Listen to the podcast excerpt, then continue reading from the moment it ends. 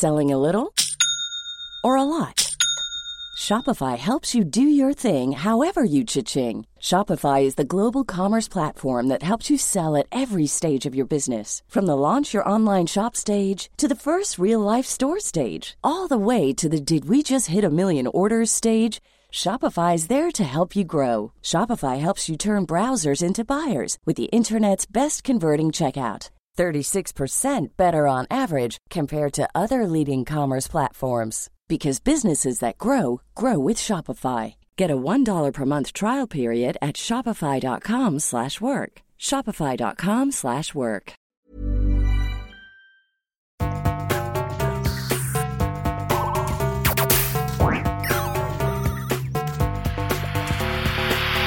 Jeg heter Sondre Livrød. Jeg er psykolog, og dette er Webpsykologens podkast. Hverdagspsykologi for fagfolk og folk flest.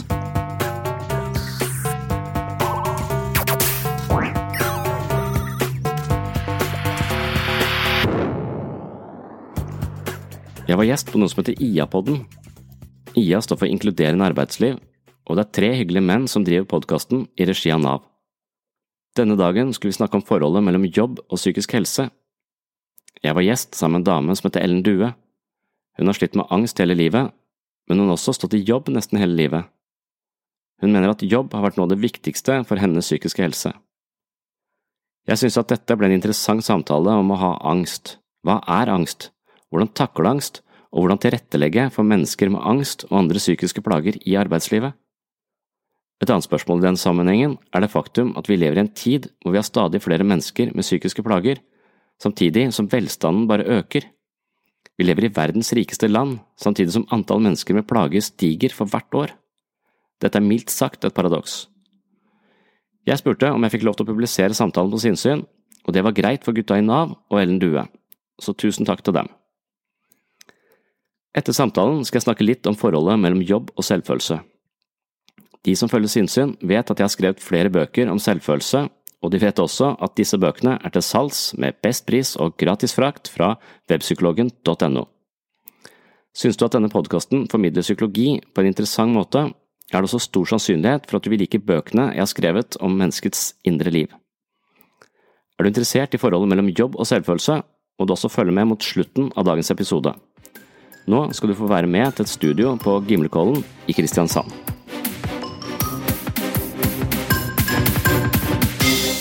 Én av fem sykemeldinger i Norge handler om eh, psykiske lidelser. Å være i jobb det er et skritt i riktig retning for eh, veldig mange for å få bedre helse. Men er arbeid rett medisin eh, for alle? Velkommen til IA-podden, der temaet i dag er arbeid og psykisk helse. Mitt navn det er Kim Nystøl, og ved min side min gode kollega Cato Lorentz. Ja, hei, hei. Og med så spennende tema så har vi selvfølgelig med oss veldig spennende gjester. En av de er psykologspesialist Sondre Liverød. Velkommen til oss. Takk for det. Og så har vi med oss ungdomsveileder i Nav, Ellen Due. Velkommen. Hei, hei. Hei, hei. Ellen, jeg har lyst til å, å begynne med du. For jeg stilte spørsmålet nå i starten om arbeid er rett medisin for alle. Og du har vært plaga av angst siden du var 28 år gammel. Det vil si at du har vært plaga av dette i over, over 30 år. Men du har uh, hatt flere jobber, og nå er du altså ungdomsveileder uh, i Nav. Um, hvor viktig har det å jobbe vært for uh, din del i din situasjon? For meg så har arbeid vært det, som, det eneste som er, er, noe i det hele tatt. Altså uten arbeid så hadde jeg ikke hatt det livet jeg har. Det har gjort at jeg klarer å være sosial også på fritida. Så, så det har vært veldig, veldig, veldig viktig. Og jeg har jobba hele livet. Selv om det ikke alltid har vært like lett å jobbe, så, så har jeg vært på jobb, og det, det, er jeg veldig stolt av. Men jeg vet også at det er det som gjør at livet mitt er såpass bra som det det er nå, da. Så det har vært viktig, veldig viktig. Du sier livet er veldig bra nå, men kan du si litt om hvordan det var, eller, eller kunne vært, det som ikke du hadde hatt arbeid? Ja, jeg, jeg, må jo si at jeg har hatt dårlige dager. Jeg har vært så dårlig at jeg ikke har turt å gå ut av døra, men jeg har vært heldig. Jeg har hatt støttepersoner rundt meg som har hjulpet meg ut. Hjulpet meg med det her å se hvor viktig det er å komme seg ut, treffe andre mennesker, og også være på jobb. Kunne, kunne bruke en selv og kunne på en måte bidra noe og gi noe tilbake, og det har vært veldig viktig for meg. Så arbeid har kanskje vært en redning da, for, for din del? Ja, det, det, er faktisk en veldig bra ting å si. En, en redning for meg som, som gjør at, uh, at livet er liksom er bra. Mm. Ja. Sondre Livrød, du hører Kim her si innledningsvis at én av fem sykemeldinger i Norge handler om psykisk lidelser. Ja. Eller psykisk uhelse, eller hvilke begreper man ønsker å bruke. Uh, hvorfor er det så mye psykisk sykdom i samfunnet? Det er jo et komplisert spørsmål, sikkert veldig mange, mange forskjellige svar på. Jeg tror, jeg tror, vi har forskjellige typer psykiske eh, plager enn det vi hadde før. Én ting som liksom, Samfunnet blir mer og mer komplekst. Jeg tror etter hvert som ting blir mer og mer komplekst, så vi også mer og mer komplekse sykdomsbilder. Så når man eh, måtte stå opp om morgenen og jobbe for å få nok mat den dagen, så var det ikke sikkert man hadde tid til å tenke så mye, f.eks. Så, så det at vi har eh, faktisk tid og mer overskudd, og vi har mer eh, teknologi som hjelper oss på alle områder, så får vi kanskje mer tid til å reflektere over oss selv, og da oppdager vi nye ting. Så, så vi, har, vi, har, fantastiske muligheter i dag. Men vi har også muligheter til å bli syke på måter vi ikke kunne forestille oss for 100 eh, år siden. Så det er et eller annet med, med, med tiden som vi skal tilpasse oss, og det er en ganske komplisert tid, tror jeg. Eh, og, ja, det, det, jeg tror det er mange ting man kan peke, peke på der. Mm. Jeg tror også en annen ting som jeg har tenkt på, at øh, vi, vi er et sånn sekularisert samfunn, vi har ikke så mye religion osv., og, så og, og vi lever kanskje en tid med mye materialisme der øh, det jeg vil kalle objektspill, altså veldig mange mennesker bruker mye tid på å tjene mest mulig penger for å kjøpe seg flest mulig ting, og at det er det som på en måte er standarden, og det er det folk driver med, og det er det som er på en måte livets spill, da. Og jeg tror en del eh, spiller det spillet godt, men våkner opp dagen etter og føler at livet er totalt meningsløst, eller eh, at det mangler en eller annen form for dybde. Og jeg er jo ikke noe spesielt religiøs, men, men jeg tenker at eh, det å kultivere sitt indre liv, og det å gå litt dypere i ting, og ikke bare lese Twitter-feeden, men faktisk eh, interessere seg på et litt dypere nivå Kanskje vi mangler litt arenaer for det. Kanskje vi er, er litt sånn lever i en tid som krever veldig mye av oss eh, på veldig mange eh, områder, og så, og så, på en måte galopperer vi li videre i livet uten å egentlig stoppe opp og tenke litt etter. For det å være det å føle ubehag i livet, da, eh, det, det, å ha angst, det er jo helt naturlig. Eh, og, men hvis vi lever i en tid som sier at angst er en sykdom, angst er feil, så tenker vi ofte at det, det må vi ikke ha, så hver gang vi føler et eller annet ubehag, så snur vi oss kanskje vekk fra det og løper bare videre og drikke litt mer og jobbe litt mer, eller hva vi skal så det, men, Mens man kan også tenke på at det når vi får angst, eller vi får et eller annet ubehag i, kjenner et eller annet ubehag på innsiden, at det er et signal som vi bør lytte til, og da bør vi kanskje gå inn og forstå det signalet og leve, ja, undersøke det. Og for, for, å gjøre det, så tror jeg vi trenger arenaer som legger til rette for det, og så tror jeg vi trenger eh, en type eh, forståelse, kanskje mytologi, noen fortellinger om hvordan mennesket har taklet sånne ting før, for det er vanskelig å leve, det er smertefullt, uh, å, å, leve. Og, og det, jeg tror kanskje vi lever i en sånn tid som sier at nei, det skal ikke være det, skal, ting skal gå på skinner, det skal være sånn og sånn, det skal være sånn og sånn, men egentlig så er, kan livet være et helvete. Uh, og, og, det å tåle det helvetet, leve det, leve forbi det, det er det som uh, ja, som styrker oss på sikt. Så det å orke å stå i ting og, og holde det ut, for så å komme ut på andre, andre siden. Ja. ja. det er jo akkurat det du sier nå, er liksom det jeg føler. At det er den Jeg sier, pleier å si at jeg er heldig, for jeg er veldig sta. Men det er jo det å tørre å stå i det. Det er kjempetøft. Det er ja. beintøft, og det er vanskelig å forklare hvor tøft det er. Mm. Men jeg er helt enig i at at kanskje det ikke er Fordi det er så mye nå, at det er så mye press, det er så mye hele tiden, eh, at det er vanskelig å å tørre å stå i det også, fordi man føler det blir bare press fra enda flere steder. Ja. Så jeg er veldig enig i det du sier, sier ja. der, altså. For, for jeg har tenkt på det selv også, har jeg angst? Jeg har ikke angst nå, men, eh, men jeg hadde angst når jeg begynte på befalsskole etter jeg hadde bodd hjemme hos foreldrene mine, og det tok lang tid før det gikk over. Og når jeg begynte etter å ha studert, og begynte som psykolog, liksom, og skulle bety noe, ansvaret ble ekstremt mye større, folk regna med at jeg kom til å si noe smart i neste setning, den, det å bære den byrden der sånn, jeg tror det tok flere år før jeg var på en måte komfortabel med det. Så jeg føler vel jeg levde med en type angst da for å tilpasse meg et, en ny byrde jeg skulle bære, men idet jeg klarer å bære den byrden og tåle den byrden, så blir livet, livet tilsvarende meningsfullt. Da. Du får, jo mer du orker å bære, jo mer mening får du på en måte i livet, så mer du orker å stå i, på sett og vis. Og, og, da lurer jeg på om vi mangler litt fortellinger som på en måte kan vise oss at livet er smertefullt, men hvis du står i det, så kommer belønningen til å være ganske stor.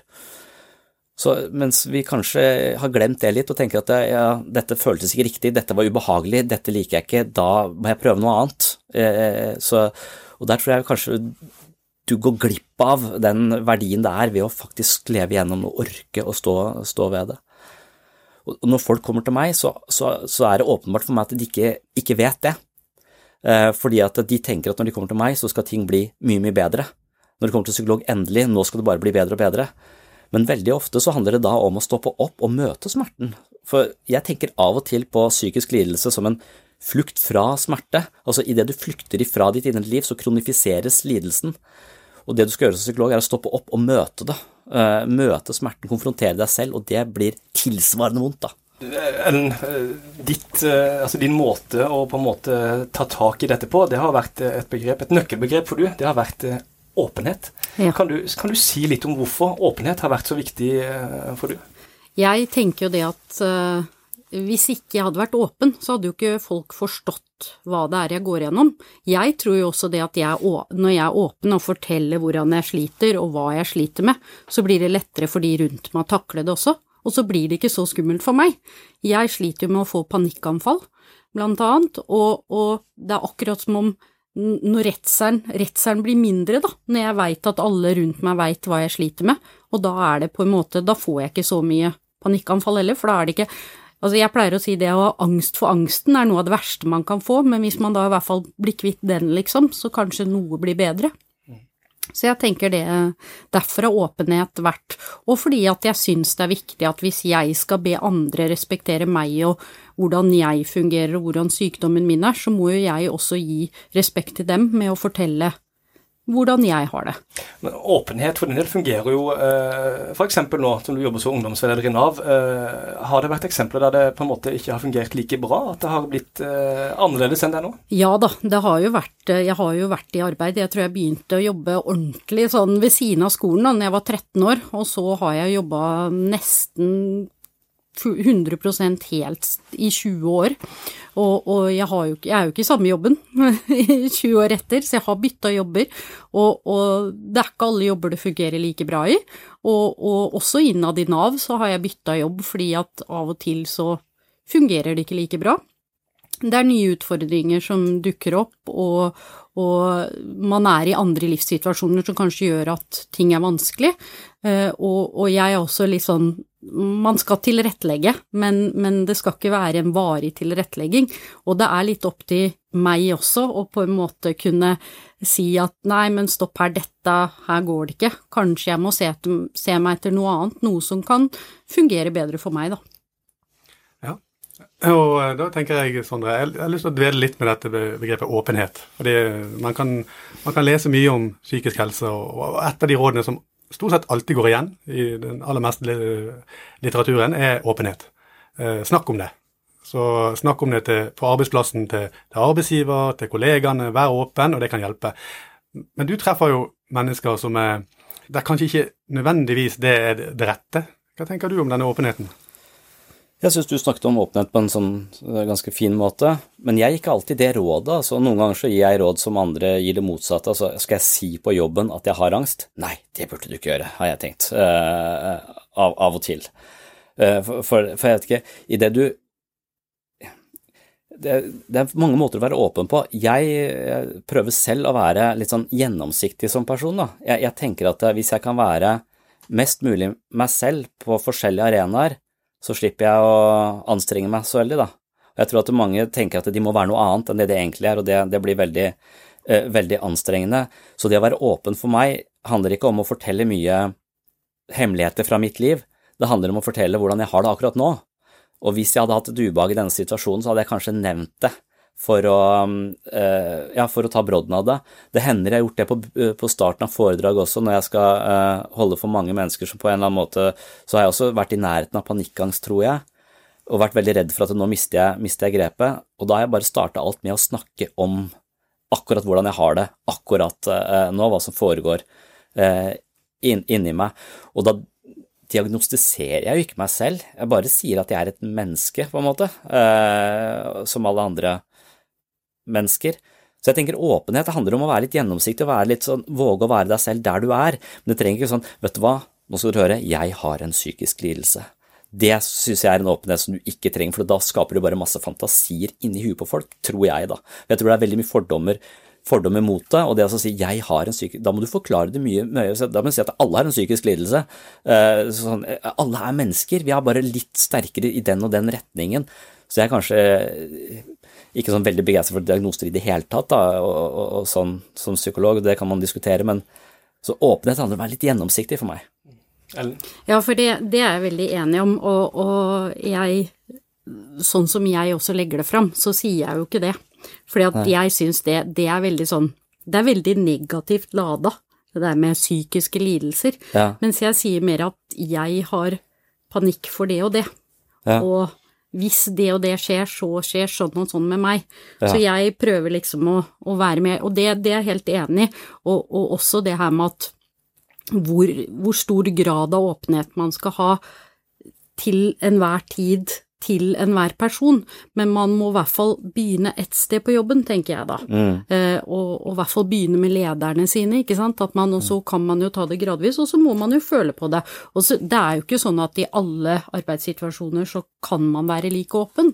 Sånn er det. Og, og, og hvis man er selvstendig næringsdrivende, da, for å ta det eksempelet, og man kanskje bare er sin egen arbeidsgiver og bare har kunder, så, så blir jo åpenhet en helt annen ting, ikke sant. Så, så, man må jo se på det også i, i perspektiv av den jobben man har, da, tenker Men, jeg. Også noen ganger, hvis man snakker om eh, angst, eksempel, så sier man at det, eller, det finnes eksempler på familiesystemer hvor en har angst, og så kaller de det et hvilehjem. Eh, fordi at eh, så lenge en har angst, så må vi andre trå litt forsiktig, og være litt forsiktig med vedkommende. Så man kan si at idet jeg er åpen om at jeg har en psykisk lidelse, ergo jeg er sårbar, trå forsiktig, ikke fortell meg sannheten, på en måte. Det kan være noe at, at den åpenheten også egentlig har motsatt effekt. Det skaper ikke åpenhet, det skaper et lukket system hvor folk lister seg litt rundt, er litt redd for å snakke til deg og behandler deg som et sånn fremmedelement, på en måte. Så jeg tenker at når jeg møter mennesker og lærer de å kjenne med angst og, eller, og blir trygg på de, så tenker jeg idet jeg begynner å kødde med de, da er, på, da er vi like, på en måte, og de kan kødde med meg. Kan, når jeg tør å snakke til deg direkte, så har vi, en, har vi, da har vi den tryggheten vi trenger for å være sammen på en, på en god måte, da. Eh, men hvis vedkommende sier trå forsiktig rundt meg mm. og signaliserer det, så har vi mange eksempler på familiesystemet hvor folk liksom går rundt eh, ja, er det irriterende at jeg ligger på sofaen hele tiden og ikke gjør noe siden jeg har angst? Nei da, det er helt i orden. Mens egentlig ja, det er dritirriterende! Det, det, er nok det folk er. Det går, så blir man som på en måte programforplikta til å lyve for å ta hensyn til den andres plager, og da ser man jo egentlig ned på vedkommende. Man behandler jo ikke vedkommende med respekt, egentlig. Man trenger ikke å si 'nei, det er dritt', men man kan kanskje i hvert fall si at vet du hva, jeg føler meg litt bundet av at, eh, at eh, det, det, som foregår, foregår, her. Så åpenhet er liksom både og, da. ja. Men, eh, men, la oss si åpenhet når vi, når vi, knytter det til arbeidsplassen, da, så kan det ha en effekt med et annet begrep som veldig ofte knyttes til, til psykisk helse og arbeid, og det er tilrettelegging. Og du sier det sjøl, Ellen, i forhold til arbeidsgivere, så kan det være nyttig for deg å være åpen. Eh, kanskje fordi at Eh, din situasjon krever en, en form for tilrettelegging. Eh, eller gjør han det? Jeg... Ja, både og, kan du si. Eh, jeg vil egentlig ikke si at jeg har så mye tilrettelegging nå, fordi at nå er jeg bare meg i jobben min. Fordi at jeg har hatt den så lenge, og jeg liksom på en måte legger det prinsippet egentlig når jeg starter jobben. Så man kan kalle ja, både og, men, men, det jeg ser er jo det jeg har brukt Jeg har jo holdt foredrag om dette tidligere, og det jeg har sagt til, når jeg har holdt til ledere spesielt, er jo det her med at det er ikke Altså, tilrettelegging og tilrettelegging. Skal man kalle det tilrettelegging hvis man sier det at har du en dårlig dag, så send en melding og si jeg kommer en time seinere, liksom? Ja, det er jo tilrettelegging, men hvor vanskelig er det? Eh, eller sånn som for min egen del, da.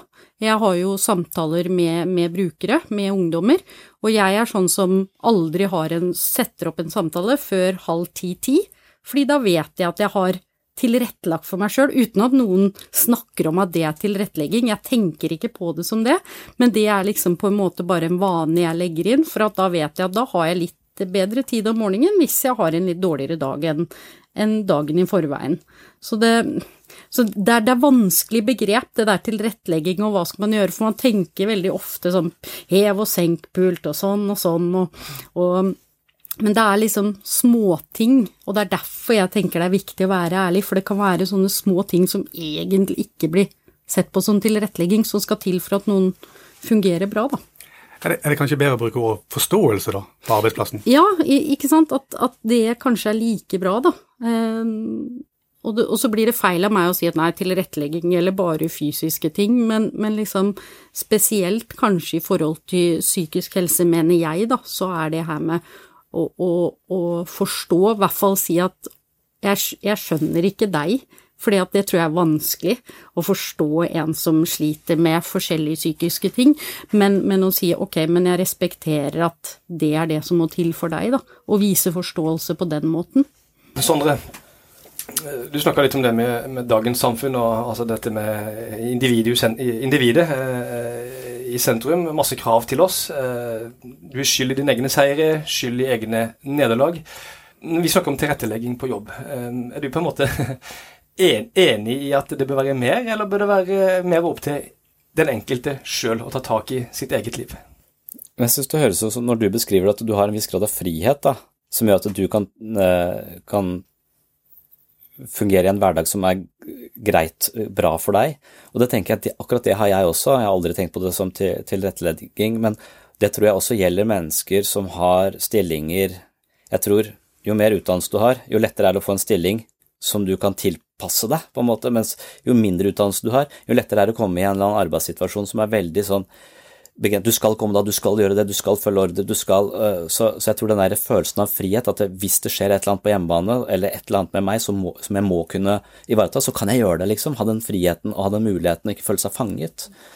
Uh, så, så, i den grad så tenker jeg det å Men det å ha en forståelse for at mennesker øh, har det behovet, det, det tror jeg så så tilrettelegging jeg, jeg har alltid syntes at ordet virker litt sånn jeg er redd for å gjøre folk mindre da, enn en det de egentlig er, og gjøre de til uh, pasienter, nærmest. Uh, så, og jeg er helt enig i at man skal respektere folk, man skal ta hensyn uh, til det, men, men, av og til så har de også en type angst som, som, hvis vi tilrettelegger for mye for den, at vi gjør den større enn det den trenger å være. Så man skal være forsiktig med at man ikke løper angstens tjeneste når man tilrettelegger. Og, og jeg, jeg, har jo møtt mennesker som tenker at jeg skulle ønske livet var et Pluto lekeland uten noen skarpe kanter, og hvis at jeg kan få en situasjon som er sånn, så vil jeg aldri slå meg, og det vil være greit. Men da er du fullstendig sårbar, du er nødt til å lære deg å tåle skarpe kanter, hvis ikke så blir jo livet ditt helt umulig uh, å leve. Så jeg tenker jo altså på sikt minst mulig tilrettelegging, sånn at folk kan føle at jeg fungerer i denne verden som jeg eh, er satt i, og, og, og, føler meg fri. Med en gang du trenger mye forskjellige greier rundt deg til folk oppfører seg eller tilrettelegger, så er du på en måte avhengig av noen utenfor deg selv, og du vil hele tiden da være i en litt usikker situasjon, for hva hvis denne tilretteleggingen plutselig forsvinner? Så, så der, hver gang du ikke er selvforsynt, på en måte ikke kan være, hvile i deg selv og, og, og være trygg på det, så, så, er du avhengig av noe utenfor deg selv. Og om det er narkotika eller at folk oppfører seg sånn eller sånn, eller hva det skal være, så er det en avhengighet der som, som gjør deg i utgangspunktet sårbar, kanskje genererer mer angst enn du trenger å ha. Så målet må være å fungere med skarpe kanter og tåle de. ja, jeg syns det var veldig For jeg tenkte litt når du snakka i stad også, med, enda mer nå, i forhold til den jobben jeg har. Nå jobber jo jeg med ungdom, og jeg jobber med å få ungdom ut i arbeid.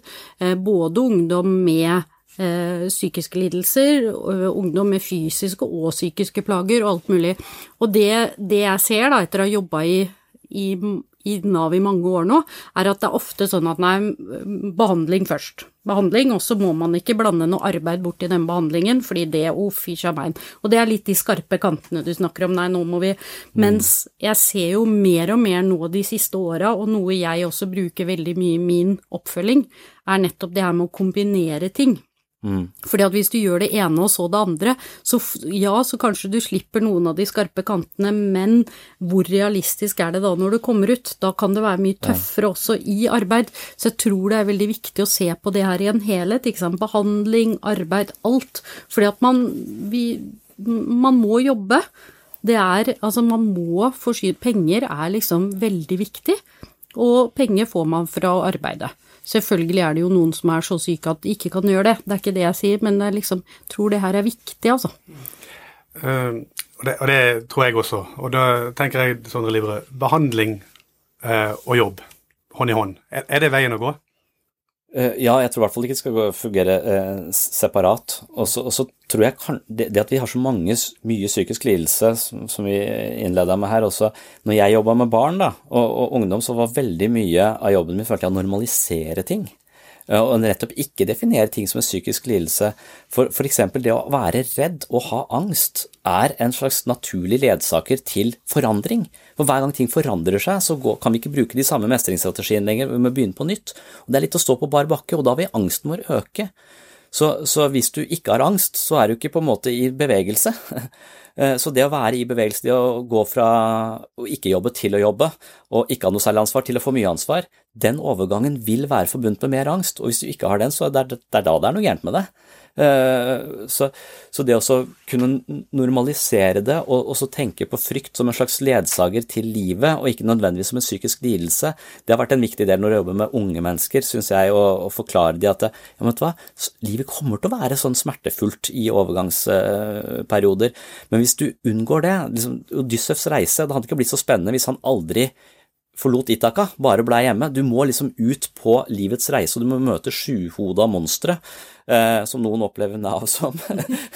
Eh, så det er ingen som har det så eh, Så, så for, at bli, for, at livet ditt skal bli spennende og vitalt, så må du eh, møte disse tingene på veien. Og det hjelper meg av og til når jeg møter ubehagelige situasjoner, at jeg tenker at jeg er litt sånn Odyssevs da, i mitt eget liv. Og når jeg er i denne situasjonen, så er dette et slags sjuhoda monster. Det er ikke så sexy, på en måte, egentlig, for mine frykter og mine møter Jeg møter aldri monster på den måten.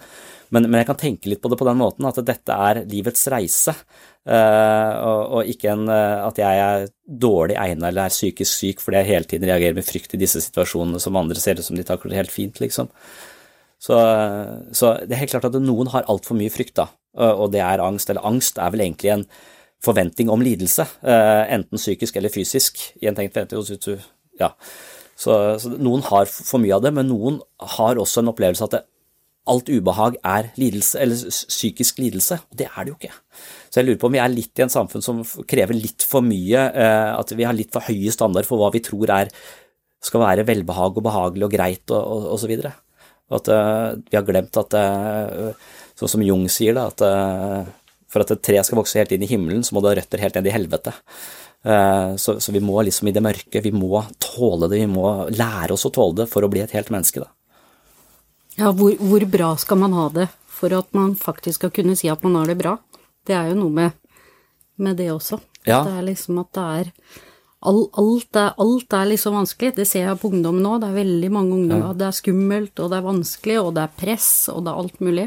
Men det der, For det bruker vi også mye tid på. Og det tror jeg er viktig, det du sier, at liksom Om det skal alle er Alle syns det er skummelt å begynne i en ny jobb. Mm. Det er skummelt å begynne i en ny jobb, og du, du blir sliten, du kan føle deg syk fordi at det, det er masse inntrykk, det er masse forskjellige ting. Mm. Så er det noe med å normalisere de tingene, og at det nødvendigvis ikke på en måte er farlig, og det er i hvert fall ikke på en måte verken psykisk eller fysisk farlig, men du må på en måte skjønne hvorfor det skjer, og så må man tørre å stå i det. Ja, og da må man kanskje ha et språk for det, for veldig ofte så vil jo den psykiske smerten du ikke har noe språk for, den vil få et slags fysisk utslag. Så det vil si at eh, nei, ryggen eh, på en måte, eller, eller magen, eller ikke sant. Så at du får veldig ofte et fysisk Det er ofte som en slags trumfkort. Der ble jeg, Fysikken min tålte ikke den, eh, den, jobben.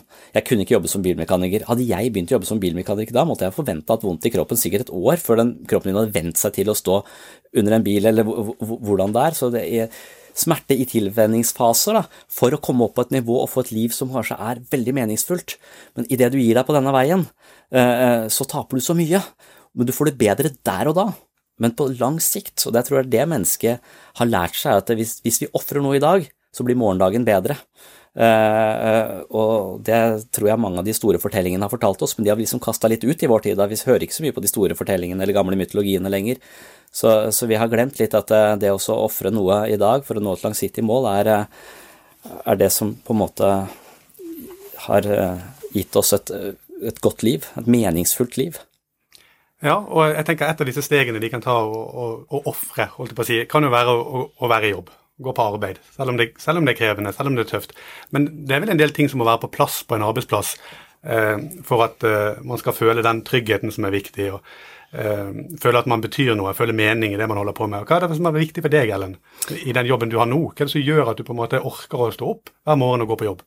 Eh, det er jo Altså, det høres skikkelig Jeg føler meg litt sånn der når jeg sier det, men det er jo faktisk brukerne. For meg er det ungdommene. Det å Når jeg får en ungdom ut i jobb, så er det så verdt alle de ungdommene jeg ikke får ut i jobb, eller alle de tårene, alle de negative øyeblikkene jeg har. Det er jo det her jeg Det er jo derfor jeg jobber i Nav, fordi jeg ønsker å ja, Nav gir mennesker muligheter, altså. Men, men det er jo det jeg, det jeg ønsker, og det er det som gir meg noe og, og, se at kanskje liksom det at jeg sier til den at kanskje vi kan gjøre det sånn, kanskje vi kan gjøre det sånn, er det som gjør at den ungdommen står i jobb.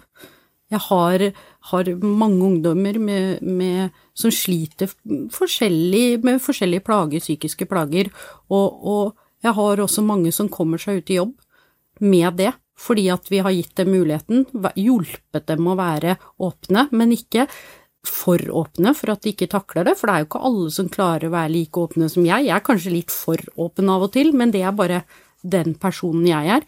Men, men jeg tror det er det der å liksom være med på å dytte dem, være med på å hjelpe dem, og det, det gjør at jeg har lyst til å stå opp hver eneste dag. Du, du har brukt eh, dine egne plager litt da, til, å, til, å, ta det med deg i jobben, og så, og så faktisk klare å hjelpe eh, andre som, eh, som sliter? Ja, for jeg ser jo det at når jeg var på en måte når jeg var ungdom, da, eh, på slutten av 90-tallet, så var det ikke de samme mulighetene som det det er nå. Eh, du snakka i stad om utdanning. Jeg har ikke noe utdanning, for det er en ting jeg ikke takler. Jeg takler ikke det derre å sitte på skolebenken. Men jeg har på en måte lært, jeg har fått jobb for det, for det er jeg også litt opptatt av, at man kan lære seg yrker uten akkurat den skolebenken. Jeg er veldig opptatt av alternative måter å lære på, da. Eh, som ikke nødvendigvis er den der klasseromsituasjonen som ikke alle takler. Eh, og, og, jeg bruker Jeg sier at jeg hadde ikke vært den personen jeg er i dag hvis ikke jeg hadde hatt angst. Jeg ser på det som noe positivt. Det har virkelig gjort meg Jeg syns at det har gjort meg til, til, en bedre person, fordi det har gjort meg sterkere, det har gjort, gjort at jeg kan hjelpe flere andre. Og, og for meg er det, det er veldig viktig, da. Sondre, alle de du møter på din vei, eh, bare for å spore tilbake litt på det med, med, med, arbeid. Eh, har du inntrykk av at mange er opptatt av at de ønsker å, å, være i arbeid? Er det noe man snakker mye om? Er det noe du hører eh, ofte, eller er det på en måte en sekundær ting i forhold til at man har en, eh, en lidelse? Nei, det er, det er, noe vi snakker mye om, egentlig. Eh, og, og, vi har jo også ganske tett samarbeid med sånne arbeidsveiledere, eller jobbspesialister, som det heter, på DP Solvang hvor jeg jobber. Så, så det, er et, det, er en tematikk, og det er vel det eh, folk også ønsker. Folk, Det er veldig få mennesker som Mennesker ønsker å ha et meningsfullt liv, da, og de ønsker å leve et godt liv innerst inne, eh, men så er det mange som har så mye frykt at de, de heller prioriterer ut ifra umiddelbart mindre frykt istedenfor et langsiktig perspektiv. Og det er vel der vi må hjelpe de eh, til å, til å stå i smerten og tåle ting, overganger, og forstå at uh, her vil smerten din øke, du må våge å miste fotfestet for ikke å miste deg selv, og hvis du klarer å stå i det, så vil du kanskje få det livet, eller du vil kanskje leve opp til det potensialet du egentlig har. Men idet du bøyer av, idet du går en annen vei, eller uh, og, og, tenker at dette passet ikke, og, og, og vi går med på det, så, så føler jeg litt at vi ja, vi, skal støtte, vi skal være respektfulle, vi skal forstå og på en måte ha stor grad empati med de menneskene jeg møter, for at jeg kjenner meg igjen. Eh, jeg jobber, med, jeg jobber ikke med de alvorlige psykotiske lidelsene, men jeg jobber med stort sett alt det andre. Og jeg tenker at det, På et eller annet nivå så ligner vi hverandre alle sammen. Vi er jo litt like. Jeg kan ha følt den frykten, jeg kan ha følt den frykten. Jeg har ikke så sterkt som deg, men, og, og, så videre. Så, så jeg føler noe fellesmenneskelig eh, ved det. Og så føler jeg at det å hjelpe folk er både å trygge de og støtte de, men også bokse de nyrene. For hvis ingen bokser de nyrene eller stiller krav, eh, så er det ikke sikkert at de klarer det på egen hånd heller. Så en viktig del av min jobb er egentlig å se folk som bedre enn det de egentlig er. Eh, se et potensial som de selv ikke orker å identifisere seg med, for det ansvaret vil, hvis folk regner med meg, og hvis jeg har betydning, eh, så blir det tungt å bære når du ikke er vant til det. Men det er også det som kan gi deg et, et godt liv. Da. Og det også informere folk om det, og, og, snakke om det, både teoretisk, men også i selve terapien, syns jeg er veldig, veldig viktig. Men da også ha arenaer hvor du faktisk gjør dette. Du kan ikke bare sitte og snakke om livet, du må også leve livet. Så alt det du på en måte lærer hos oss, det er du nødt til å implementere i livet ditt, og da må du ha en arena, og det er, eh, tror jeg jobb er det, det, viktigste. Altså. For, for, min egen del så har jeg tenkt at hvis jeg blir sykemeldt, så er det jo fra hjemmebane, ikke fra jobb. Da, da vil jo legen si du må jobbe 200 du. For hvis ikke så går dette her helt på trynet. Det er hjemme jeg syns det er vanskelig å ha masse barn. Uh, og, og, og disse, masse barn gjør deg ikke lykkelig. Det er omtrent like, du blir like ulykkelig som å sitte i rushtrafikk. Men barn gir livet mening, og det er to helt forskjellige ting.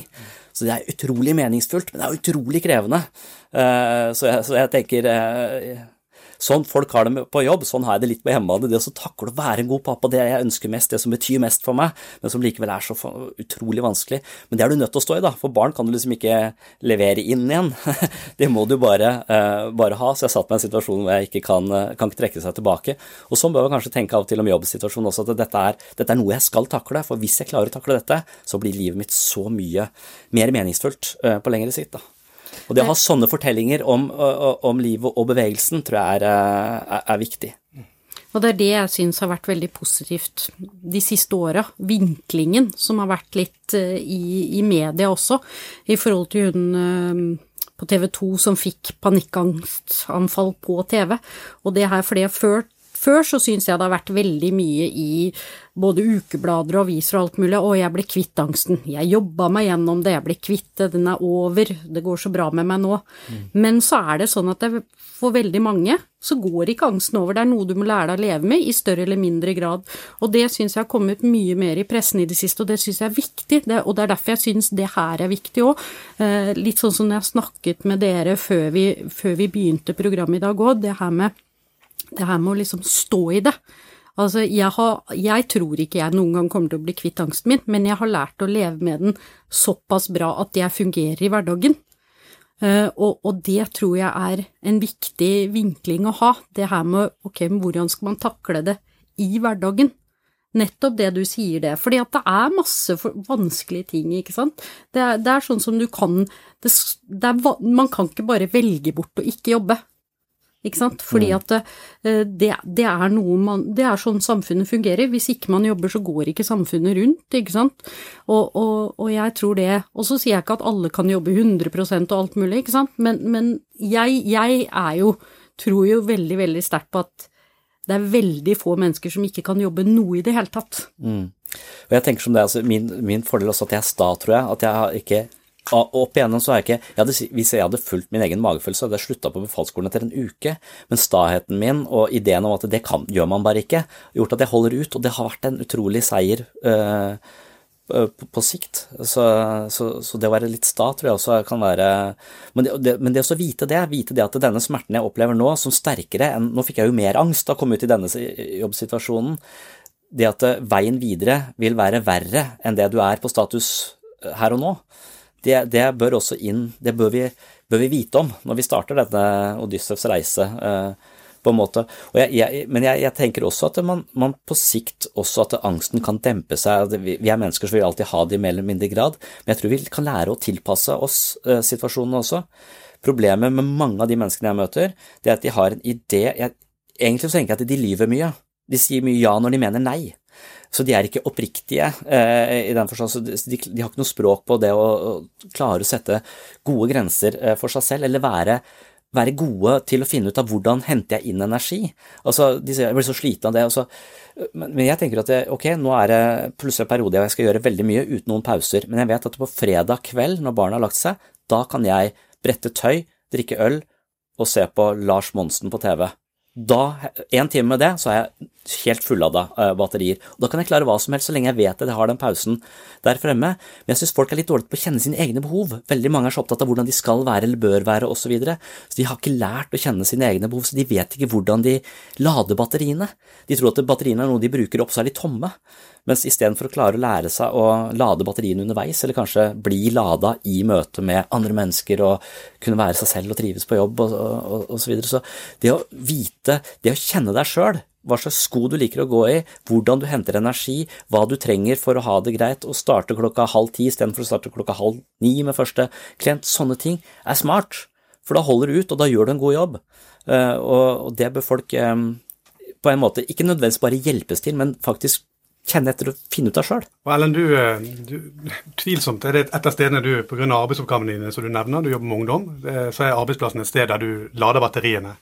Men, men, du har jo også vært andre steder der eh, kanskje batteriene ikke ble fullt så ladet når du, når du jobbet. Og, og, hva er det som på en måte utover arbeidsoppgavene som, var, som, må være på plass på en arbeidsplass for at du skal trives med, med dine utfordringer?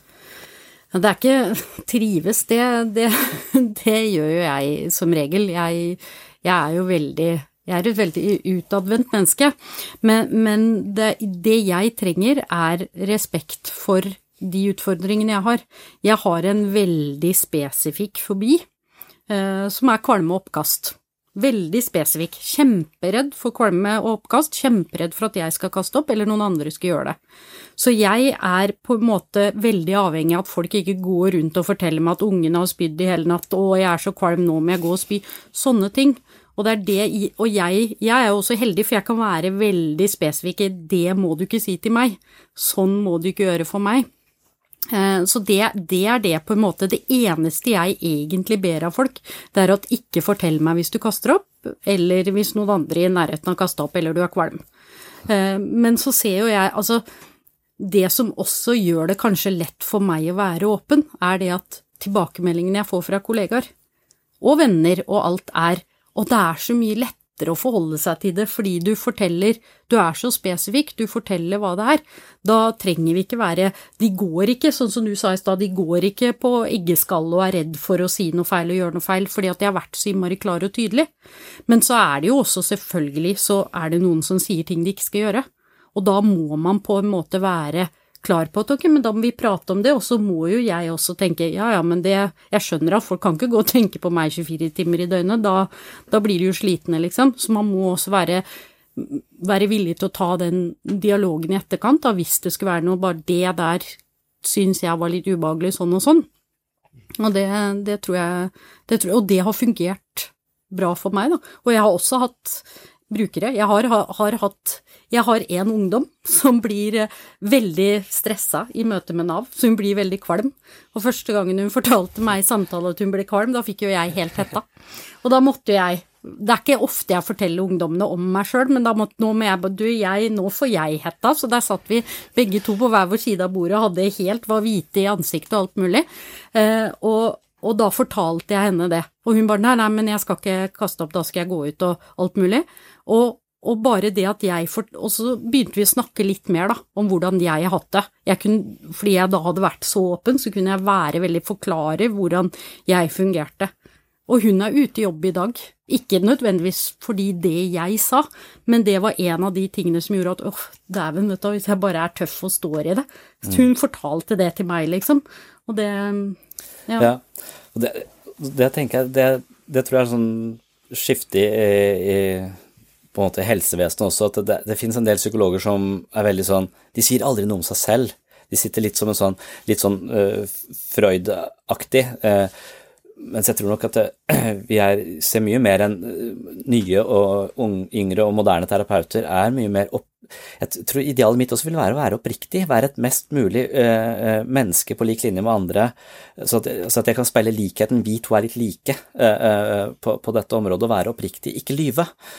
Ikke være noe påtatt. være ærlig. Uh, og, og, sånn tenker jeg litt på meg selv som terapeut, at uh, forskjellen på meg som terapeut og sosialt er at jeg lyver mer sosialt, for der er jeg mer høflig osv.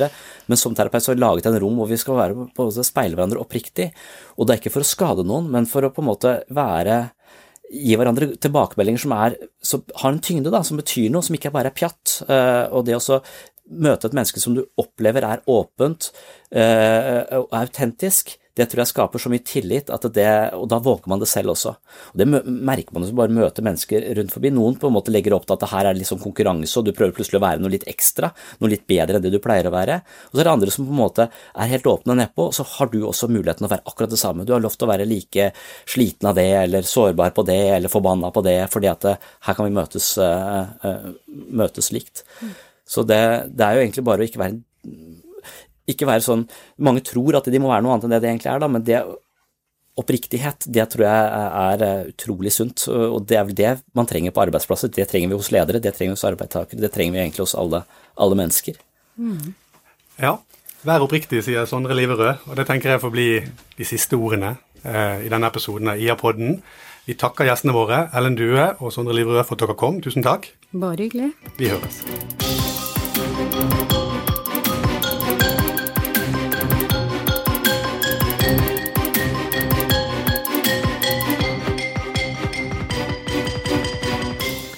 Det var altså min samtale med herrene fra Nav og Ellen Due. Nå skal jeg avslutte dagens episode med en del refleksjoner rundt jobb og selvfølelse. Arbeid gir følelsen av herredømme over eget liv, og det er psykologisk og moralsk verdifullt. Følelsen av mestring og kontroll er et sentralt motiv i et godt liv og avgjørende for selvfølelse. Hvorfor er det sånn? Jobb har mange funksjoner i et menneskeliv. Det mest åpenbare er kanskje at vi jobber for å tjene penger til mat på bordet og tak over hodet, men det er også hundrevis av andre gode grunner for å leve et produktivt liv. Jeg jobber daglig med mennesker som har falt ut av arbeidslivet, og når jeg spør dem om hva de tenker er fordelene med å ha en jobb, svarer de ofte i tråd med ett eller flere av følgende stikkord. Realisere seg selv, bruke og utvikle sine evner, leve et utfordrende og vitalt liv, bryne hodet eller kroppen, bidra til samfunnet og gjøre vår plikt, få tilgang til materielle goder, få tilgang til kulturelle goder som reiser opplevelser, ha et sosialt nettverk, høre til et sted, få status, identitet, venner, mening, aksept, stolthet. Disse stikkordene er alle sammen med på å understøtte ideen om at jobb kan være en viktig del av et godt liv. I andre del av denne episoden skal vi imidlertid ha et litt mer spesifikt fokus. Vi skal se på forholdet mellom selvfølelse og jobb i et psykologisk perspektiv. Først skal vi undersøke selvfølelse som fenomen, og deretter se på selvfølelse i relasjon til arbeidsevne. Nathaniel Brandon er psykolog og forfatter, og han har skrevet en rekke bøker om selvfølelse. Han forteller oss blant annet at selvfølelse er den verdien vi bevisst eller ubevisst tilskriver oss selv. Fra tidlig alder lærer vi å kjenne oss selv via våre medmennesker.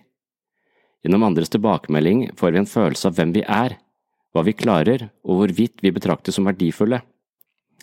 Kritikk, avvisning, mobbing og andre destruktive krefter i det mellommenneskelige samspillet kan føre til en negativ vurdering av egen verdi. Motsatt vil respekt, ros, kjærlighet og positive føringer og forventninger borge for en grunnleggende god selvfølelse. Mye av vår selvfølelse etableres allerede fra barndommen, og de vurderingene vi gjør av oss selv i tidlig alder, via våre medmennesker, blir ofte toneangivende for resten av livet. Det er som om de vurderingene vi gjør av oss selv i ulike situasjoner og på ulike områder, blir kodet inn i en form for mentale skjemaer som senere dukker opp uten at vi legger merke til det. Mye av det vi lærer om oss selv og verden går via vår bevisste oppmerksomhet i første omgang, men deretter legges denne lærdommen på lavere nivåer i hjernen, slik at vi skal slippe å vurdere alt på nytt i lignende situasjoner. Brandon sier at følelser er vurderinger vi har gjort på et tidligere tidspunkt som dukker opp i nye situasjoner. På denne måten slipper vi å vurdere ting på nytt, og vi blir mer effektive i møte med livet. Men dersom de mentale skjemaene er influert av frykt, usikkerhet eller nedslående ideer, vil det vi føler for en situasjon, eller oss selv, altså selvfølelsen, fungere destruktivt for vår livsførsel. Det betyr at vi møter nye situasjoner på en psykologisk autopilot uten å bruke vår fornuft eller refleksjonsevne. Aktiv tenkning krever mer av oss enn livet på autopilot, noe som gjør at de fleste av oss fungerer mye på automatikk, men når vi lar oss styre av følelser, tillater vi samtidig at vi baserer oss på utdaterte verdivurderinger som påvirker oss uten at vi egentlig er klar over det. 95% av alt vi foretar oss er diktert av ubevisste krefter, noe som betyr at store deler av vår livsførsel er styrt av ubevisste mentale skjemaer som gir oss signaler i form av følelser vi ikke kan begrunne rasjonelt. Vi bare stoler på disse signalene, og vi kaller dem for følelser. Faren er at vi lar fortidens verdivurderinger av oss selv og verden få uforholdsmessig mye bestemmelsesrett. En underliggende lav selvfølelse kan gjøre mennesker til offer for livet. Ubevisste antagelser og mangel på egenverdi gjør at man møter livet uten en følelse av kontroll og mestring. Man regner ikke med egen påvirkningskraft, men håper at livet ikke kaster for mange ubehageligheter i trynet på oss. Det er en passiv holdning til livet som stadig forsterker en dårlig selvfølelse. Det står i motsetning til de menneskene som har en god selvfølelse og møter livet som aktive agenter med en grunnleggende tillit til egen påvirkningskraft. Vår selvfølelse er som regel sterkt påvirket av andres tilbakemeldinger, men den er også sterkt influert av vår følelse av kontroll og mestring. Dette elementet er uløselig knyttet til jobb, menneskets produktivitet og arbeidsevne. Hos barn er det tydelig at mye av gleden ved livet handler om å tilegne seg et stabilt grep om tilværelsen. Barna vokser og næres i kraft av stadig mer kontroll og følelse av innflytelse på sine omgivelser. Etter hvert som barnet lærer seg å bevege kroppen, krabbe, gå, slå en gaffel i bordet for å lage lyd, bygge tårn med klosser, uttale ord og setninger, er gleden barnet føler knyttet til utøvelsen av kontroll over egen eksistens. Denne følelsen av herredømme over eget liv er uhyre verdifull, både moralsk og psykologisk.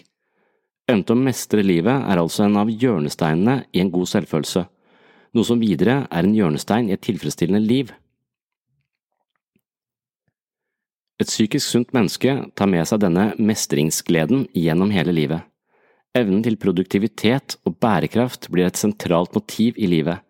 Det representerer en aktiv holdning som gjør at en person på 90 år virker ung til sinns. Motsatt kan en mentalt passiv person på 30 år virke gammel og utbrent. Behovet for å vokse i forhold til kunnskap, evner og innsikt er et uttrykk for persons forpliktelse til livets gang og den prosessen det er å være menneske. I mine første år som psykolog og psykoterapeut hadde jeg en klok veileder som hjalp meg mye. Jeg husker at han sa at den dagen jeg tenker at jeg er utlært, eller at jeg ikke har behov for å vite mer, eller tilegne meg flere ferdigheter, så er jeg utbrent. Denne innsikten har jeg tatt med meg inn i arbeidslivet, og den har tjent meg vel så langt. Poenget er at en person som bestemmer at han eller hun har tenkt nok og lært nok, i bunn og grunn har bestemt seg for at de har levd nok. Når det ikke er noen nye steder å gå, ingenting å oppdage eller nye tanker å tenke, befinner man seg i en passiv stagnasjon, og ifølge Nathaniel Brandon er god selvfølelse og passivitet helt uforenlig. Dette betyr ikke at en psykisk sunn person utelukkende engasjerer seg i problemløsning, arbeid og kontinuerlig egeninnsats for å nå langsiktige mål. Fritid, rekreasjon, kjærlighet og sosialt samspill er selvfølgelig sentrale elementer i et godt liv. Men samtidig er det i stor grad gjennom produktivt arbeid at en person opplever en fornemmelse av kontroll på livet, som videre er en forutsetning for personens evne til å nyte alle de andre godene og verdiene som er tilgjengelige. En person som mangler retning og mening i livet, som mangler mål og produktiv kraft, føler seg nødvendigvis hjelpeløs. Den personen som ikke har kontroll i eget liv og føler seg hjelpeløs, vil også føle seg ukvalifisert for selve livet, eller rett og slett eksistensielt sett uegnet. Og til syvende og sist er det sannsynligvis slik at en person som føler seg ukvalifisert for livet, ikke er i stand til å nyte det.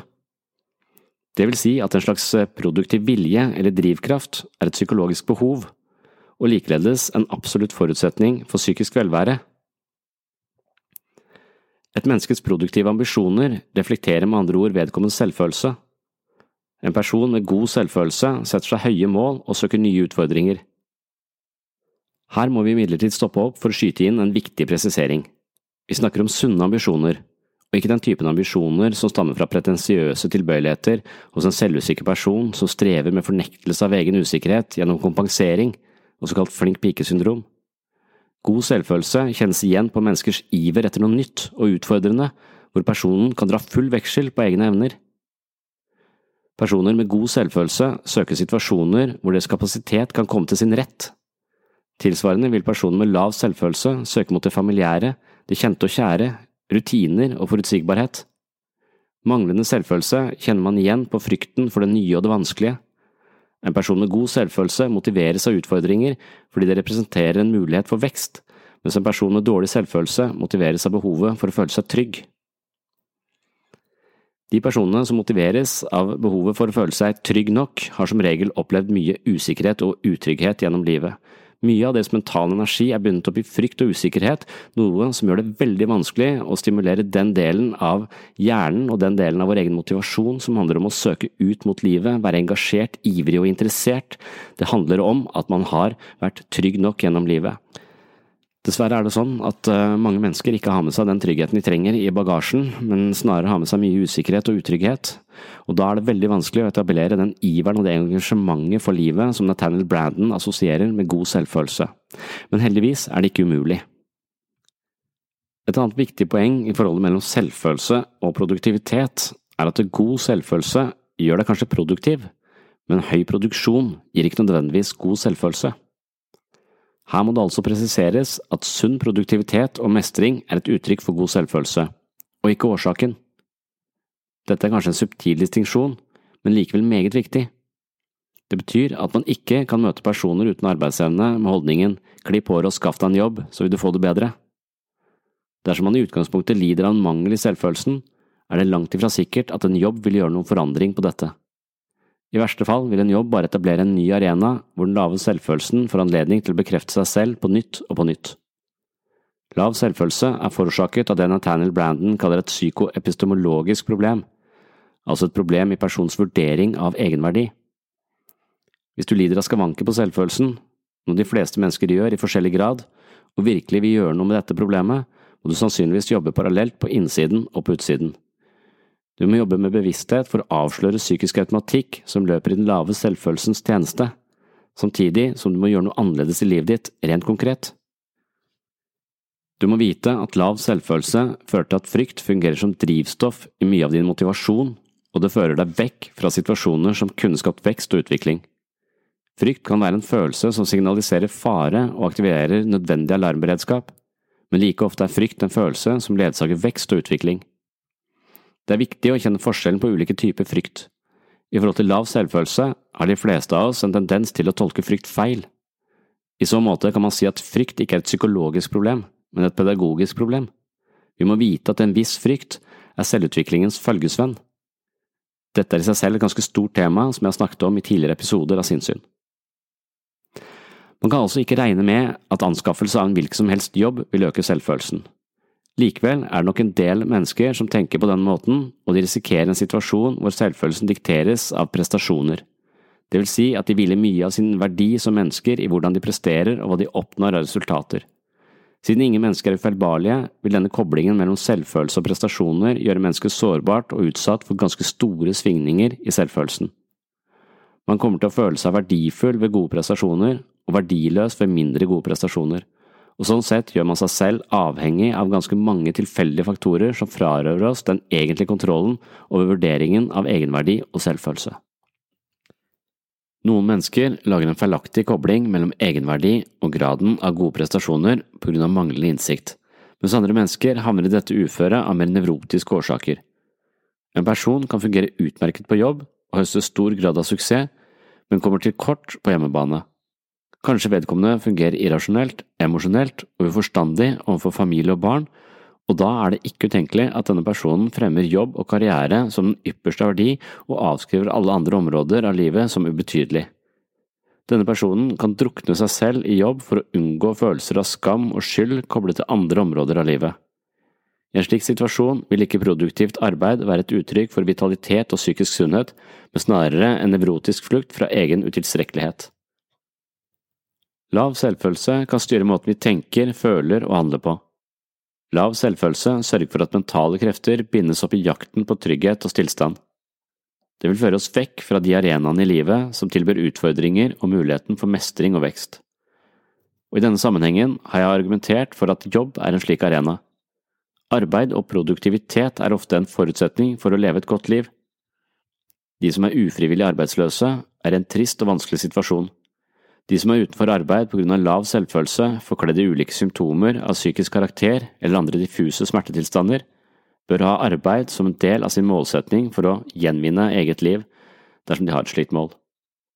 men det nytter ikke å skaffe seg en jobb uten å jobbe med sitt indre liv og ta kontroll på hvordan man vurderer seg selv fra den ene situasjonen til den andre. Samtidig nytter det lite å jobbe psykologisk eller terapeutisk med selvfølelse uten en arena som tilbyr utfordringer og muligheten for å utfolde sin produktive kapasitet, som altså er så tett forbundet med følelsen av mestring, kontroll og selvfølelse.